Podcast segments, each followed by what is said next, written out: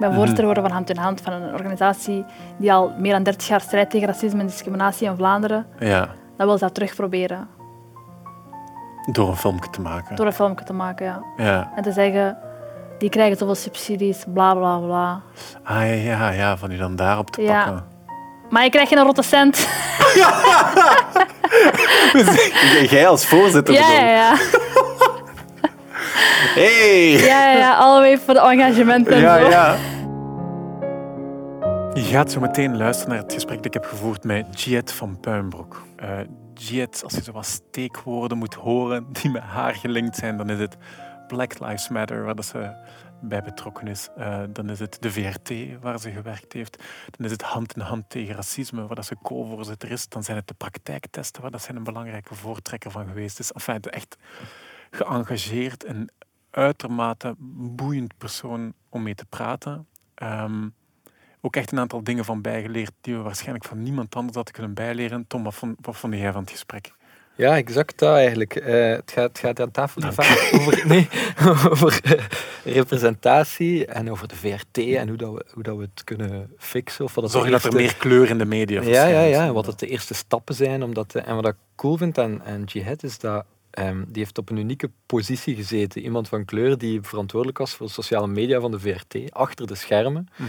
Ehm, ja, het is voor het eerst eigenlijk dat ik zo wat de complexiteit en de grootte van het probleem wat ben beginnen snappen. Ja. Dankzij haar. En misschien ook wel een beetje geproefd heb van wat dat, hoe dat we het zouden kunnen doorbreken. Mhm. Ja, het heeft ons ook geholpen met Zwijgende Schinoptie om in de dingen die wij doen daar iets aan te doen. Hè? Ja, Zo, ja, ja. in onze werking daar iets aan te veranderen. Ja, inderdaad. Want het is wel een groot probleem eigenlijk. Ja, het is ook cool. Ik vind het is zo'n herinnering aan hoe belangrijk dat is om ervaringsdeskundigen af en toe aan tafel uit te nodigen. Dat is iets dat bij mij is blijven plakken. Van, er zijn sommige verhalen dat, dat je, als je ze niet hebt meegemaakt, je kunt dan nog met academici spreken die het duiden en kaderen. En die kunnen dat ook maar nadat er genoeg casussen verzameld zijn. Dus daar zit een heel grote vertraging op.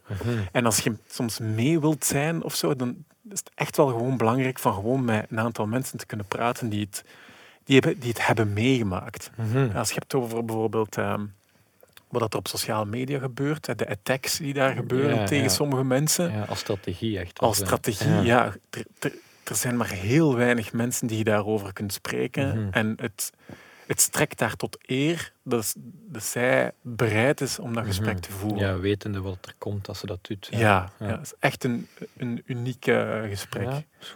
Goed, mensen zoals Jihad zijn belangrijk en we hopen dat jullie daardoor ook even hard van dit gesprek genieten als dat wij van dit gesprek genoten hebben. Eh, vind je dat we meer mensen zoals Jihad bij ons aan tafel moeten uitnodigen? Je weet wat je moet doen. Mecenas worden van Zwijgende Schinoptie. is helemaal niet zo moeilijk. Surf naar zwijgendeschinoptie.be slash mecenaat.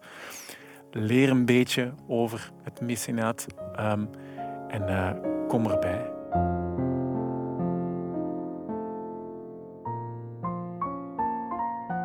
Ik denk een, een van de meest gecontesteerde aanwervingen in de geschiedenis van de VRT of zo. Eh, ja. Dus ik, ja, ik, ik probeer alles te lezen wat over iemand is gezegd ter voorbereiding Ik van heb me ook dit. eens een keer gegoogeld. In Ja, incognito. Je hebt wel wat shit om door te ploegen. Voordat Ja. je... ja, wauw. Ja, ehm, dat was, eh, dat was eh, wel heftig. Ehm, maar eh, ik moet zeggen dat ik wel had verwacht dat er commotie ging zijn. Ja? Ja, ik had dat echt. Ik heb bewust ook een week later mijn bekendmaking gemaakt. Niemand weet dat, maar ik heb een week gewerkt en ik heb dan pas bekendgemaakt. Dat je er werkte. Ja, Omdat je... omdat ik wist, ik was al een, ehm, hoe moet ik het zeggen? Ik was al een persoon die, die, ik voelde dat ik al een persoon was die, die onder de radar zat van bepaalde personen of bepaalde hoeken.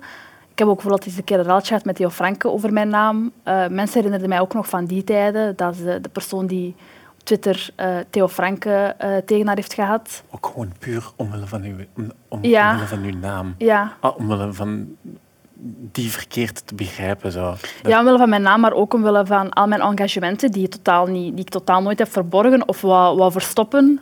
Allee, ik, zat wel, ik was actief in het antiracistisch middenveld. Ik was ook woordvoerder van eh, een platform, Praktijk Testen Nu. Dus ik deed ook die dingen en dat was totaal geen geheim. Maar ik voelde als ik ga werken voor een instantie als VRT Nieuws ehm, waar ook al heel hard naar wordt gekeken, dan eh, Ja. gaan ze mij ook erin meesleuren. Dus ik voelde eigenlijk, was dat heel vies, dat ik toen bewust een week heb gewacht.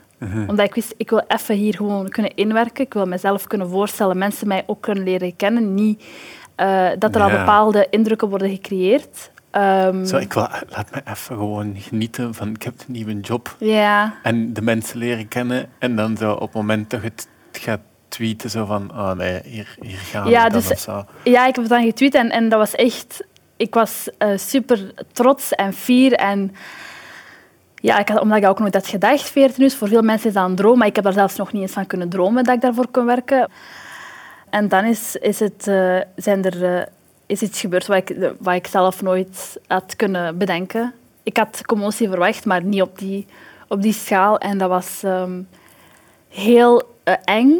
Ehm, omdat je krijgt dan in één keer en masse heel veel negatieve reacties. Mensen die, die memes over u maken, ehm, artikels over u schrijven. Ehm, dat waren dan Schild en Vrienden die dan artikels hebben geschreven over mij. Eh mij eigenlijk gewoon mijn LinkedIn-pagina af te gaan. Van, ze, heeft, ze heeft stage gedaan in het federaal parlement, ze was actief in het middenveld. Dus gewoon mijn, mijn, mijn LinkedIn-pagina afgaan, niks nieuws, om mij eigenlijk als persoon te besmeuren. En vooral gewoon omdat ik Shit van Pembroek heet. Ja. Want ik weet gewoon 100%, als ik Jolien van Pembroek was, dan was ik daar gewoon gaan werken en nobody gives a fuck. Mhm. Maar iemand, Jihad van Puinbroek, een vrouw, een moslima, iemand van Marokkaanse origine, die heel geëngageerd is, ook wel besproken, ambitieus, gericht op haar carrière, dat, is de grootste nacht, dat was hun grootste nachtmerrie. ja, ja. Dat was hun grootste Ja. nachtmerrie. En daar waren ze, te kost wat kost, mij daarvoor neerhalen. En ze waren me echt toen laten... Allee, de tweet die ik heb zien passeren, was echt de oproep om mij te doen laten ontslaan. Mhm. Ja, want er is een mega post ook gekomen van de ombudsman op een bepaald moment. Om dan, Omdat, Ja, ja, maar maar, serieus kun je voorstellen dat dus een werkgever moet gaan verdedigen waarom hij iemand heeft aangenomen? Wiens zaken zijn dat? Ik ben aangenomen omdat ik, omdat ik de persoon ben die daar het meest geschikt en competent voor is, maar ik moet mij bewijzen. Mhm. En dat is wat ik heel mijn leven al doe. Ik moet mij constant bewijzen in waar ik goed ben en waar ik, waar, waar ik eh, sterk in ben. Ik, ga, ik ben daar ook, dat is niets maken met arrogantie of ego, maar ik weet waar ik goed in ben en waar ik kan. Dus daarom dat ik die plaats ook heb. Mhm. Dat is niet omdat ik kansen moet grijpen. Ik heb dat gekregen omdat ik ben wie dat ik ben en omdat ik wist dat ik dat kan. En ehm, ja, dan heb ik heel erg uit tegen mijn werkgever gezegd: als jullie dit niet aankunnen, dan vertrek ik zelf. Dus oftewel heb je, heb je mij een bek, ofwel vertrek ik. Want ik ga niet de volgende Yusuf Kobo worden of de volgende Rashid Alamrabat. Want er waren genoeg mensen achter mij die dat ook hebben meegemaakt. Dus eh, dan heb ik het geluk gehad dat mijn werkgever achter mij heeft gestaan. ja. Want dat dacht je dat, je misschien, dat ze misschien gewoon gingen zo wat laten gebeuren. Ja, ik dat heb ze u niet actief gingen verdedigen. Of, of dat ze u misschien zelf zouden laten gaan of zo. Ehm, ze hebben wel heel hard gezegd van we gaan het laten passeren en niet reageren. En ik moest, ik moest hè? ja, ik, allee, ik- niet van ik moest zwijgen. Ik, ik, eh, ik had ook niet de, de mental space om te praten, denk ik. Dat was iets dat ik, ik, ik wou, op dat moment heb ik eigenlijk al mijn emoties afgezet en wou ik mij volledig focussen op mijn job. Mhm. Maar door mij te focussen op mijn job, had ik ook constant met ik moet mij bewijzen. Mhm. Want mensen denken dat ik hier met een dubbele agenda zit. Dat was het frame dat, ik, dat, dat is gebeurd door die besmeurde eh, artikelen die over mij zijn geschreven. Mhm. Iemand, eh, iemand komt, daar, eh, komt bij de VRT en wil daar van alles gaan doen vanuit haar agenda. Terwijl, dat was dan wel moeilijk, want ik Ja, heb want al... alles wat je dan schrijft... Ja, dat was van, oh, ja, maar ja. jij vindt dat een probleem. Ja. Denk, nee, Ja, ja. dat woord dat jij hier aan het schrijven bent, is een probleem. Niet ik dat het probleem ben. Dat zijn dan de reacties die je dan soms hoorde. Ehm, maar ehm, ik moet zeggen dat, dat, eigenlijk, dat ik wel aangenaam verrast was doordat er toen is gereageerd. Maar die eerste weken ehm, voelde ik me wel in een gouden kooi. Ja. Of die eerste maanden. Omdat ik had een mooie job, maar ik werd eigenlijk de mond gesnoerd. En eh, ik moest mijn eigen terug, ja, terugzoeken. Mhm. En om dan te zeggen, ze zijn eigenlijk in hun eh, opzet geslaagd. Dat niet, want ik ben niet ontslagen geweest. Maar ze hadden me wel onzichtbaar doen laten maken. En eh, dat is dan misschien wel gelukt toen. Ja. Omdat je daar buiten... Omdat je gewoon zo het gevoel had dat je moest opletten voor wat dat je zei of wat dat Ja. je deed, dat ze eigenlijk de facto een stuk gemuilkorfd Ja. hebben. Zo. En dat, en, en dat is gewoon, is dat, ze, dat is gewoon een hele tactiek dat constant gebeurt. Eh, niet alleen bij mij, maar bij gewoon mensen die, die, die uitgesproken zijn, die geëngageerd zijn. eh, vrouwen van kleur, eh, met mijn etnische origine, met mijn religie. wij mogen eigenlijk geen mening hebben. We moeten eigenlijk liefst gewoon van alles zwijgen. Ja, door gewoon de, de stilte in te pesten, om het zo te zeggen. Ja. Ja, het is zoals je zegt, zo, als je Jolien van Puimbroek had genoemd, was het nooit gebeurd. Zo. Ja, dat is echt keihard. Hè. ja. Het is waarschijnlijk voor u vanzelfsprekend, maar zo, ik, vind, ik vind dat wel zo'n... ehm, Ja, want er zijn daar ook mensen beginnen werken die vroeger van een politieke partij kwamen en die dan uiteindelijk bij de VRT ook zijn terechtgekomen of omgekeerd. ja, ja, ja. Dat is nooit... Maar dat, dat boeit niet. Dat boeit niemand. Want die heette waarschijnlijk Pauline de Smet of zo. Allee, Ja. dat zal wel een echte persoon zijn, maar... maar ja, dat is. En, eh, en dat, dat, dat de ombudsman dan een artikel over mij moet schrijven... ehm, Ja, ja. ja, dat is, dat is, dat is, heel, dat is heel vies.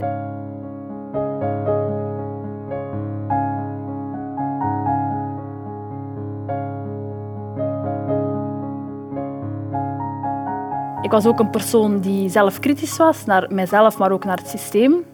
Naar de media en naar representatie, naar framing, naar wat dat ze doen. En dat is niet altijd gemakkelijk om dat daar op tafel te gooien. En ik ben... Wat bedoelde? Maar hoe niet? Ehm, ja, ik denk, je moet vooral in de pas lopen. Je Ja. moet vooral in de pas lopen. En als je dat niet doet, dan ben je daar niet altijd welkom. Ja. Dat vervelend is of zo. Ja, dat is vervelend, maar dat is ook eigen aan, aan, het, eh, aan traditionele media. Je hebt daar constant die revolving doors. Ja. Dus ze, ze ze zeggen, ja, we hebben een probleem met eh, representatie en ons netwerk is heel beperkt en de verhalen die we vertellen zijn, heel, allee, zijn altijd vanuit een bepaalde invalshoek. Er komt daar iemand werken, ik dan met een migratieachtergrond. Ze kijken dan naar mij van, amai, je hebt ook een gigantisch netwerk en je kunt goede verhalen meegeven en mensen in vertrouwen nemen, want daar komt het op neer. Mensen vertrouwen media niet. Maar als ik ga praten met iemand die heel, heel haar leven al actie heeft gevoerd rond het hoofddoekenverbod en ik vraag aan haar, wil je daar eens een keer eens komen vertellen over eh, bij de VRT of het journaal? Die gaat tegen een andere persoon zeggen nee. Want ik voel mij daar eigenlijk niet op mijn gemak, ik voel mij niet veilig, ik weet niet hoe dat je dat gaat brengen. Maar door ik dat haar heb, bij, bij haar, heb- haar heb aangesproken en dat heb aangehaald, zag ze dat wel zitten. Ja. En heel veel journalisten of media beseffen dat niet, dat het in de kleine dingen Ja, die ja. vicieuze, vicieuze cirkel kan doorgebroken worden. Want media zegt, we vinden ze niet. En de anderen zeggen, ja, maar wij vertrouwen ze niet. Dus je, zegt, je vindt elkaar constant niet. En hoe ga je ervoor zorgen dat die linker is? En dan heb dat je... probleem ook zelfs. Hè. Ja? Ja. Ja, dat is echt. Dat, dat, dat we dat voelen, dat we zo veel meer ons best moeten doen om iemand van kleur te overtuigen om bij ons te komen. Maar echt veel meer. Nee, Tom, hè? ik niet. Ja, ja.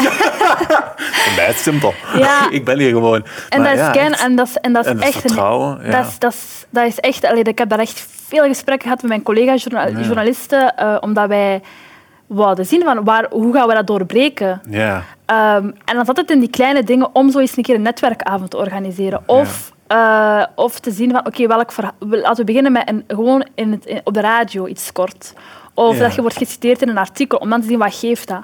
Maar wat dat even belangrijk ook is... omwille van de schrik om, voor op de, want je zegt, om te zien wat geeft dat. Dus niet alleen van hoe ga ik getoond worden of geciteerd worden, maar ook zelf als ik geciteerd word en getoond word op een manier waar ik mij goed bij voel, wat dat ook soms een issue Ja. is, hè, met krantenkoppen enzovoort.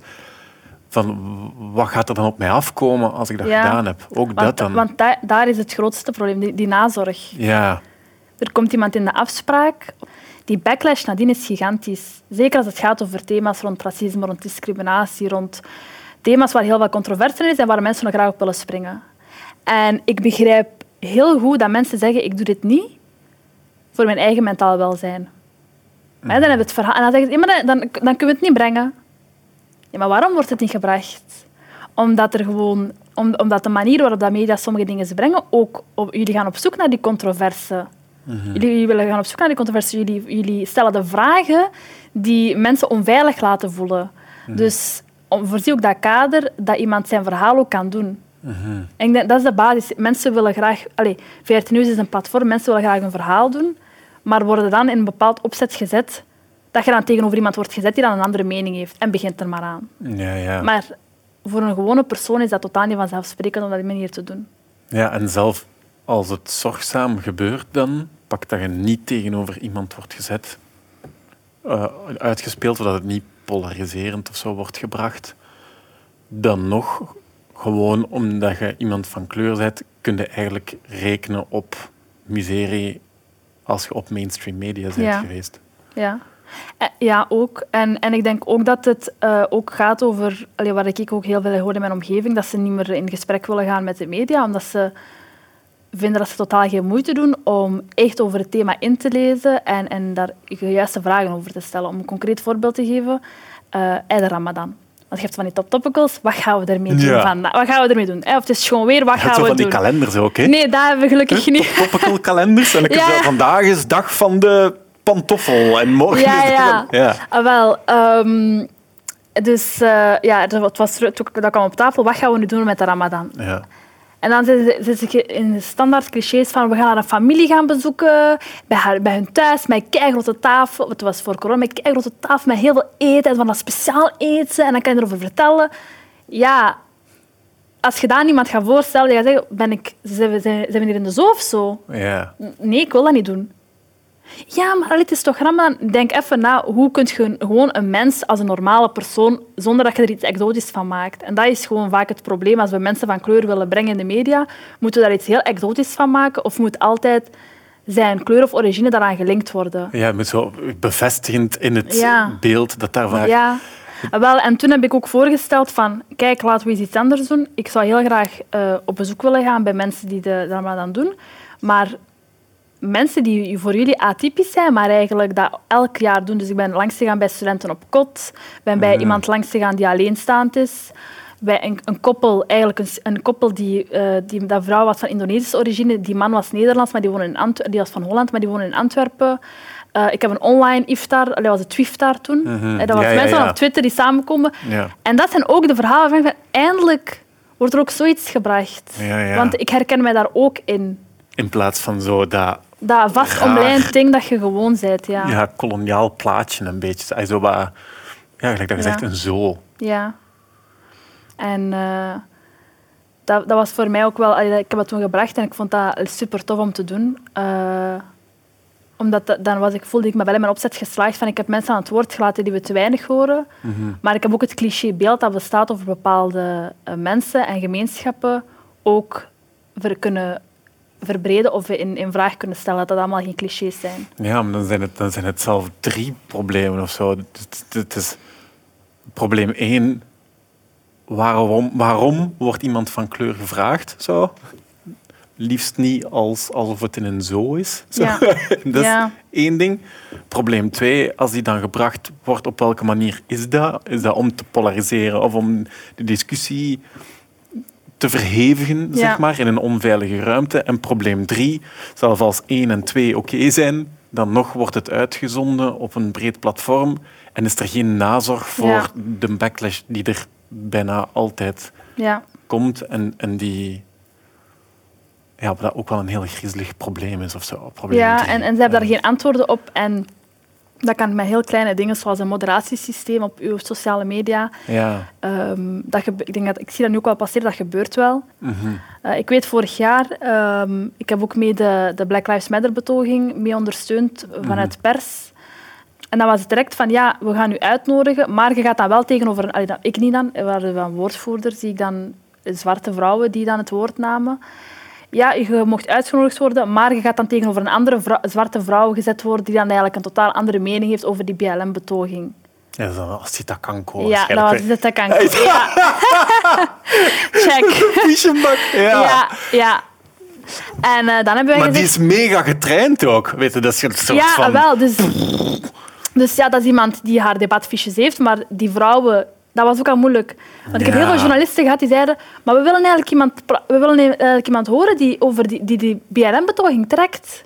Dan heb ik gezegd, maar dat wordt door zoveel mensen getrokken. Er is niet één gezicht van de Black Lives Matter. Er is niet één gezicht van de Belgische Afri- Belgo-Afrikaanse gemeenschap. Die is super divers.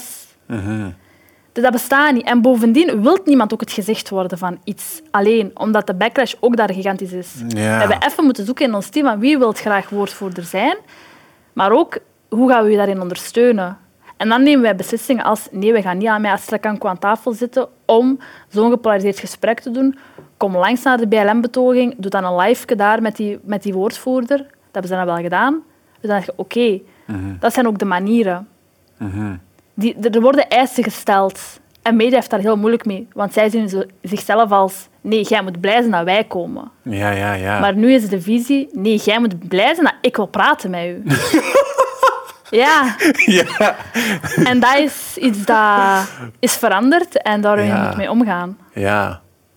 Maar dat, dat, dat, dat lukt wel. Jij moet blij zijn dat je mocht praten met mij, omdat de druk op die media ook wel zo aan het vergroten is, dat, ze- dat ze moeten moeite doen, een stuk. Hey, dat is wel iets wat dan een beetje aan het Ja. verschuiven is. Dat ze, dat ze gewoon beginnen zien van ja, dat is zo'n zo'n Ja, issue moeten dat we, we moeten zoeken hoe dat we dat moeten coveren, waardoor dat zo een beetje de, de macht verschuift zo, wat, naar...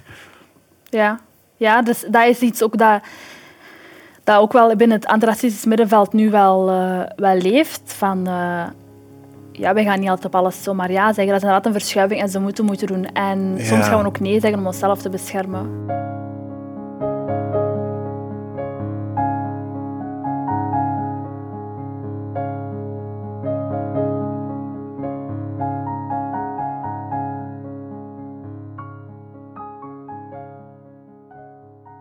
Het is wel echt een... een ik vind dat, vind dat moeilijk om dan zo niet Vlaanderen als zo een... Als ik mij inbeeld dat elke keer als iemand van kleur gewoon verschijnt in de media, zelfs als het niet super polariserend is, dus zelfs als die problemen er niet zijn, dat hij zich eigenlijk moet verwachten als op een breed platform is aan, aan zo racistische opmerkingen of gewoon een, een, een negatieve backlash, om dan niet zo Vlaanderen als een racistisch bolwerk te zien of zo. Ik vind dat moeilijk om dat dan niet te denken op dat moment. Ja. ja, ik snap dat wel. Eh, allee, ik heb ook de sociale media beheerd, dus ik zag ook alle reacties op Facebook. Ja. Mensen lezen artikels niet en hebben toch commentaar en racistische reacties. Dat is echt om misselijk van te worden. Ehm, ja, ik, eh, dat is, ik denk dat dat ook gewoon eigen is nu aan onze, aan onze maatschappij. Dat mensen zichzelf het recht toe-eigenen om gewoon andere mensen die, anders op, die niet op hun lijken gewoon neer te halen. Omdat dat iets anders is.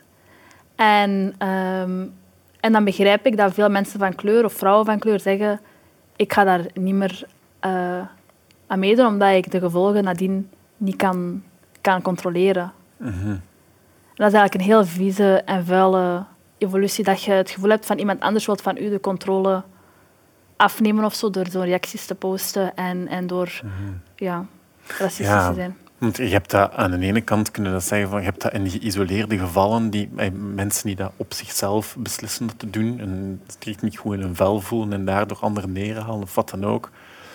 Maar als dat zo een middel is dat in handen komt van mensen die zich organiseren en die eigenlijk die een, die een druk gebruiken om zo systematisch te muilkorven, ja, dan wordt dat echt wel... eh, dan kunnen er echt gewoon voor zorgen als groepering om bepaalde groepen compleet monddood te maken. Ja, dat is wat er constant gebeurt.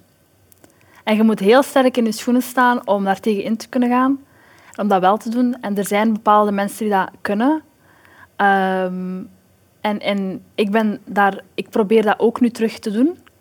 En meer mijn stem ook te laten horen. Ja, Maar eh, uw olifantenvel, mijn, mijn olifantenvel alleszins, is deel van mijn huid geworden.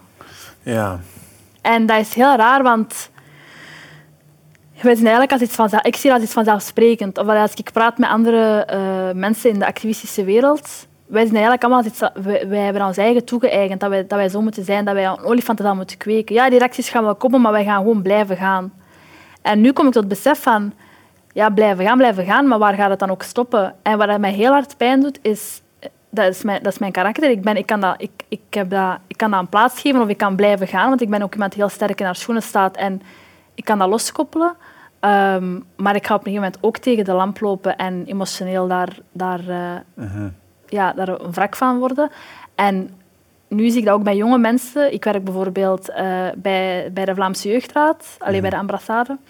Dat zijn allemaal super geëngageerde jongeren die iets zullen doen voor, het, voor Vlaanderen, voor België, voor internationaal. En, en, iets met, en eigenlijk de stem van kinderen en jongeren willen vertegenwoordigen. En die vragen aan mij van, is dat dan oké dat ik dat dan zo zeg? Dan denk ik, maar waarom vraag je dat? Je moet dat niet vragen. Als jij voelt dat jij daar een mening over hebt, dat je daar verontwaardigd over bent, dat je daar iets over wilt zeggen, doe dat gewoon. Maar zij stelt haarzelf die vraag omdat ze denkt, ja, ik ga daar nou ook die backlash krijgen. Ja. En mijn credibiliteit gaat in vraag worden gesteld als iemand die deel uitmaakt van een Vlaamse jeugdraad, een officieel adviesorgaan en zo verder. Ja, ja, ja. En dat gebeurt dus niet enkel in media, maar dat gebeurt in alle instanties, Ja. alle, alle soorten instanties waar dat mensen deel van kunnen uitmaken. Ze worden eigenlijk als een bedreiging beschouwd en worden in de gaten gehouden. Mhm. Van dan laten we die neerhalen. En wat maken we die mond dood? Ik zit te denken, dat, dat is exacte kritiek. Ik denk, denk als, als mensen dat horen, dat ze ook denken aan zo cancel culture en zo, wat, het er, wat er eigenlijk op een andere manier ook gebeurt. En denk ik terecht, dat er zo panels zijn met alleen maar witte mannen, dat er zo wat opge... Ja, dat was die social house was daar een voorbeeld van. Hè? Ja, ja, ja. Wat was Ja. Ja. Ja, en daar is echt wel uit Ik de was hand wel gelopen. echt geaffronteerd dat ik niet gevraagd ben. Serieus? Als ja, een soort van Nestor of zo? Dat, dat was toch dat, perfect? dat ging echt heel schoon. Ja, dat ging echt affiche. Ja, dat was, eh, dat was ook een, een mooi voorbeeld. Allee, Ja. van, allee, mooi en ook wel een schrijnend voorbeeld van hoe het daarna is opgepikt geweest. Dat die kritiek terecht was van... Er zijn zoveel zo influencers. Ik heb bijvoorbeeld een influencers-communicatiecampagne uitgewerkt en ik kende niks van influencers en ik heb zot veel influencers gewoon leren kennen eh, door gewoon een, een, een, een, een maand daar research over te doen. En ik ben dan niet eens een influencer-expert. En ik dacht van, waarom is mijn lijst ziet er totaal anders uit dan die mensen die in dat huis zitten? Mhm. En, en daar was die cancel culture daar echt... Dat was echt... Allee, dat was, Twitter heeft gewoon Social House gestopt, hè? Ja, ja. Twitter heeft dat gedaan. Dat is Ja. toch niet eens Zun hebben dat zelf gekozen of die produ- dat productiehuis. Gewoon Twitter heeft, er, heeft gewoon Social House neer kunnen halen. En dat is de... de met aan twee, dat wordt aan twee kanten snijdt. Hè? Ja, Wat er naar hun is allemaal gezegd, dat, dat, verdienen zij ook niet. Ja, ja. Ja, bedoelt we dat er op de persoon of Ja, zo... die, op die influencers zelf, hè, die jonge, jonge mensen eigenlijk. Hè, die zijn, dat zijn twintigers. Ja, ja, ja. ja daar, en daar maakte jij zo wat het onderscheid tussen wat oké is en wat niet oké is. Van, zijn een, zijn een mening aan het verdedigen of een, of een idee aan het bevechten? Of zijn daarmee bezig? Speelde op de bal of speelde op de man? Zo, Ja. Dat onderscheid. Ja. Ja, allee, ik beschouw dingen vaak uit vanuit een structureel gegeven. Dus dan, Ja. dat social house denk ik van, oké, dat, wat is dat productiehuis? Hoe hebben die mensen gekozen? Mhm. Hoe is dat voorbereid geweest? En ook die influencers zelf. Hoe komt die er zelf onderling in gesprek? Hebben die daar onderling wel gesprekken over gehad van, wij zitten hier wel allemaal aan tafel met witte Ja. mensen. Ja, En daar ja. dan kritiek op geven. Want dat is ook wel een spel dat gespeeld wordt van aan de rechterkant dan, zeg maar. Is dat, dat er zo onder, onder de noemer vrije meningsuiting gewoon zo, ja, ik weet niet, keihard gepest wordt. Ay, zo. Dat, dat die twee zo wat, ik mag toch mijn mening zeggen, hè, maar je bent, je gewoon Ja. iemand met de grond gelijk aan het maken. Dat is echt gewoon iets anders. Maar dat is zo wat, dat die twee samengepakt worden, terwijl mensen echt heel goed weten dat wat ze aan het doen zijn niet gewoon een mening zeggen is. En, en, en de persoon tegen wie dat ze zich richten misschien zelf niet als een mens beschouwen of zo, maar dat dat onder die noemer van vrije meningsuiting gewoon passeert of zo. Ja. ja, dat is iets waar ik het enorm moeilijk mee heb. Hè, van, eh, wat gaan we zomaar laten passeren? Wat gaan we zomaar laten negeren? Want eh, ik heb bijvoorbeeld gisteren iets getweet. Eh, dat ging over eh, de uitspraak van George Floyd. En eh, ik, ik had gezegd, ja, als media mensen nu aan het woord willen laten, alleen hier in België dan, kijk dan naar de families die hier in België ook hun, hun dierbaar zijn verloren aan politiegeweld. Dus dat was mijn tweet. Van, media, dat is heel goed dat jullie mensen aan het woord laten vanuit Amerika, maar als we naar België ook kijken, dat is ook een geval. De reacties daaronder, ik heb misschien 80, 60, 70 reacties van mensen die gewoon, alleen dan anonieme mensen, want ik zie niet wie dat, dat zijn, die gewoon aan het spuien zijn tegenover mij, met persoonlijk, over iets over mijn krollen zeggen of iets over mijn naam zeggen of helemaal naast de kwestie. En dat ik zo denk van, dat is, is dat, is dat, heb je het moeilijk met mij of heb je het moeilijk met de boodschap? Want als je het moeilijk hebt met de boodschap, dan kan ik er met u wel een gesprek over hebben. Maar dat is wel om te zeggen, dat, dat doet mij... Allee, ik kan niet zeggen, dat doet mij niks. Jawel, toch. Ja. Maar in mijn hoofd zeg ik dat zo van... Been there, done that. Dus... Ja, maar dan voelde je toch ook onveilig in de, bij ons, allee, zo in Vlaanderen, hier, in onze maatschappij die wij hebben. Dan loopt het toch niet op je gemak rond. Allee, dat zou... Als ik 60, 70 reacties... Dan moest ik al zoveel krijgen op een tweet ik stuur. Maar het- voor mij, als er iemand kritisch of zo, dan ben ik zo waar... Ja, Ja, een, een fragiel wit, zo, om Ja, het zo te noemen. Elk klein dingetje voelt als een schaafwonde. Dus laat staan dat je zo 60, 70 en dat dat daarover gaat. Dat, ja, ik snap dat, dat als je dat gewoon bent, Ah, maar ja, het maar- is niet gewoon. Hè. Ja, Hey, zo, wel, en dat is het je ding. moet het niet gewoon worden. ja en, en, en ik ben het wel gewoon geworden. Ja, Omdat ik het al jaren krijg. Ik heb het al jaren. ja. En zelfs niet eens online, ook in het parlement stel, worden parlementaire vragen over mij gesteld. Dus ja, dat, dat, dat, dat is zo van... Dat gebeurt. En eh, Maar wilde je niet gewoon weg of zo? ja, maar, ik weet ik... niet naar waar. Hè. En Naar Marokko. ook- ja. Alle Marokkanen terug naar eh, Istanbul. ja, nee, maar dat is toch... Dat is toch ja, ik weet niet of dat ik dat zou zien zitten, omdat gewoon... Ja, maar ja, ik weet niet waar naartoe, maar echt oprecht. Dus, eh, of dat ik dat zou zien zitten, om dat elke keer te... te incasseren of zo. Ja, ehm, ik, zeg altijd, ik zeg vaak, mijn naam is wie ik ben. Dus jihad, de letterlijke betekenis is streven en sterk in je schoenen staan en strijden voor het goede. En ik belichaam ook gewoon mijn naam, dus ik, ha- ik haal er ook veel kracht uit dat ik, ehm, wat ik aan het doen ben goed is, dat ik dat doe voor een bigger cause. Ehm, en daardoor blijf ik ook gaan. En eh, ja, daarmee dat ik eh, ook voel van wat er, is, wat er gebeurt, van online hate, hate speech en, en veel mensen die dat meemaken. Ik was daar één van, maar ik ben eigenlijk maar één iemand. Er, dat gebeurt dag- dagelijks bij superveel mensen. Ehm, dat ik ermee ook heb gekozen om wat er toen mij is gebeurd bij VRT Nieuws en waar dat Schild en Vrienden in dit geval met die artikels en die memes en na de paanreportage die is uitgekomen eh, van eh Schild en Vrienden, eh, dat ik, en, en het onderzoek is geopend, dat ik dan heb ook beslist dat ik mijn burgerlijke partij ga stellen in, in de zaak van Schild en Vrienden en, en Dries van Langenhoven.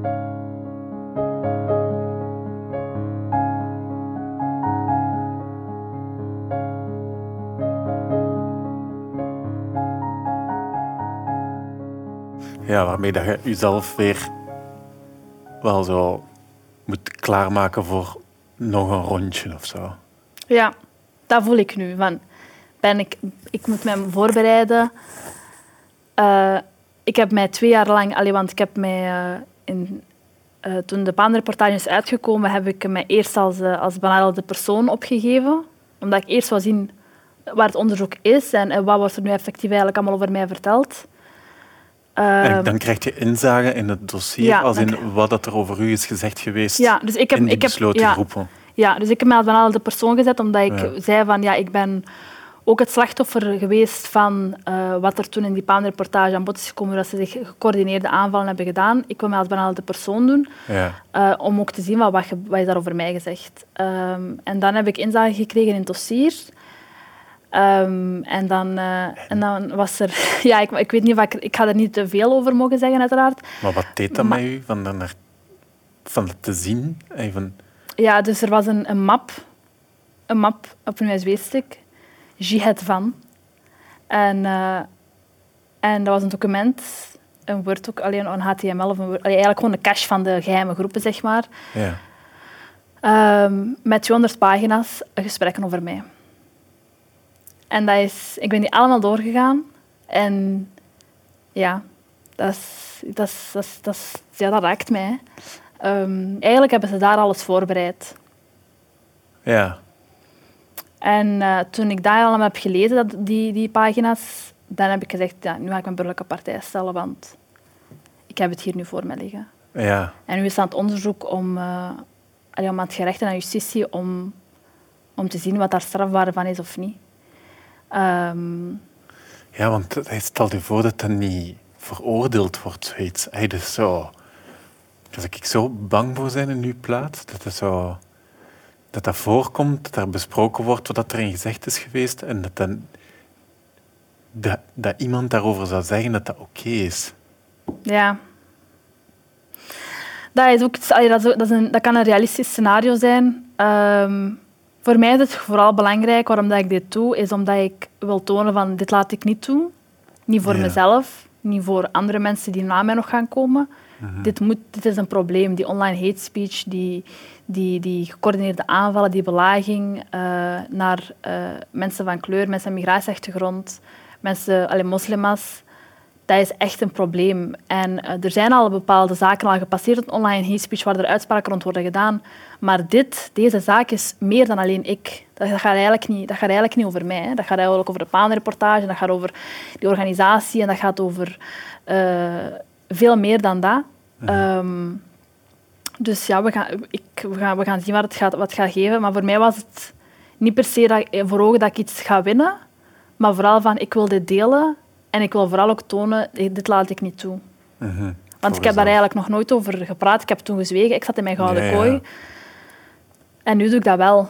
Ehm, en omdat ik ook veel verhalen rondom mij krijg van jongeren die, die kei geëngageerd zijn en zeggen van hoe moet ik hiermee omgaan en, Mhm. en, en dat ik dan hun persoon ben om hen daarin te begeleiden, maar ik ben zelf nog niet eens... Allee, ik heb zelf nog niet eens aan plaats gegeven wat er gebeurt, omdat het gewoon elke dag gebeurt. Mhm. Hoewel, echt de, de, de keuze om u... De keuze om dan burgerlijk, burgerlijke partij te zijn, daarin... Ik weet niet of ik dat al begrijp of zo. Ik denk van, je hebt dat allemaal meegemaakt. Zo, je, ik beeld het mij zo in als een, als een speelplaats. Zo, hè. Je, hebt, je, hebt, je hebt een groepje die daar staat. Dat zijn zo pesters, zo, die heel die speelplaats terrori- terroriseren, bij wijze van spreken. Het is zo ergens de enige plek waar dat je kunt schuilen, is zo achter een gebouw of zo. En daar, daar komen ze niet. Dus de meeste mensen die gepest worden, blijven gewoon daar staan. En dat jij gewoon zoiets hebt van, ja...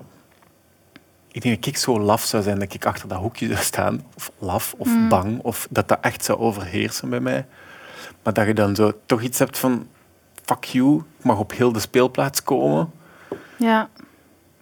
Ja, ik Ja. denk eh, dat ik, ik... Dat was niet mijn eerste directe dingen om burgerlijke partij te worden of zo. Ik wou vooral gewoon zien van wat er mij is aangedaan.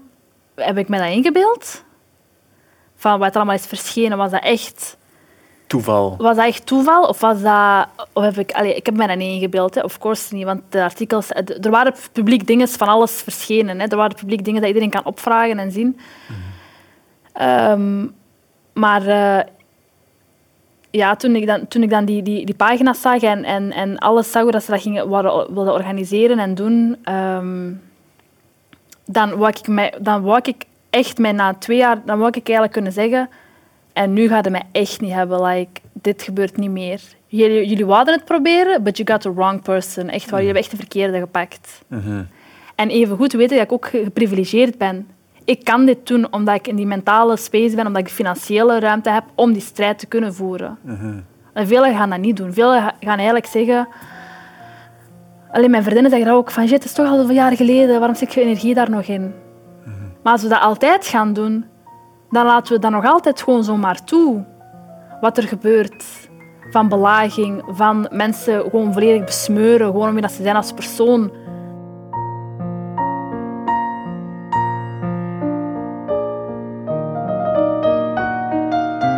Het is bij sommige mensen veel meer dan bij anderen belangrijk dat zij een verhaal kunnen vertellen. En jammer genoeg is het vaak ook bij die mensen onmogelijk om een verhaal te vertellen. En te vaak wordt die verantwoordelijkheid daarvoor bij hen zelf gelegd. Je moet maar luiden roepen. ehm, waarom komt je niet naar de studio als we u uitnodigen? Ehm, Waarom wilt je geen quote geven in de krant? Waarom zijn je niet actiever op sociale media? Voor sommige mensen zijn dat beledigende vragen, vinden wij. Wij vinden dat de verantwoordelijkheid ook bij ons ligt om ervoor te zorgen dat de ruimte waarin dat er gesproken wordt veilig genoeg is om een verhaal te brengen. Opdat een verhaal gebracht kan worden. En dat is echt iets wat we met zwijgende proberen te doen. Is ervoor te zorgen dat voor, tijdens en na de opname er een veilige ruimte is om een verhaal te laten ontstaan, om een verhaal te laten vertellen dat echt verteld moet worden. Als dat een snaar raakt bij u, ehm, dan zou ik het fijn vinden als je erbij komt bij Zwijgen is geen optie. Als je mee mecenas wordt van Zwijgen is geen optie, dat je ons daar financieel mee steunt, maar dat je ook in de community komt. Om daar niet alleen financieel, maar ook met je energie mee aan de kar te trekken en mee de veilige ruimte die wij er proberen te creëren te beschermen. Wil je daar meer info over? Surf dan naar zwijgenetschinoptie.be slash mecenaat. Heb je vragen, dan mocht je ook altijd mailen. Zullen we u zo goed mogelijk proberen te helpen. Ik mag ook niet vergeten om onze sponsors te bedanken, want ook zij beschermen deze ruimte. Uh, enerzijds is dat Supergood, die ervoor zorgt dat je hier een heel mooie kleren zit. Dank u. Heel mooie ecologische kleren. En Cambio, die ons af en toe een auto laat gebruiken om mee rond te rijden. Dank u wel.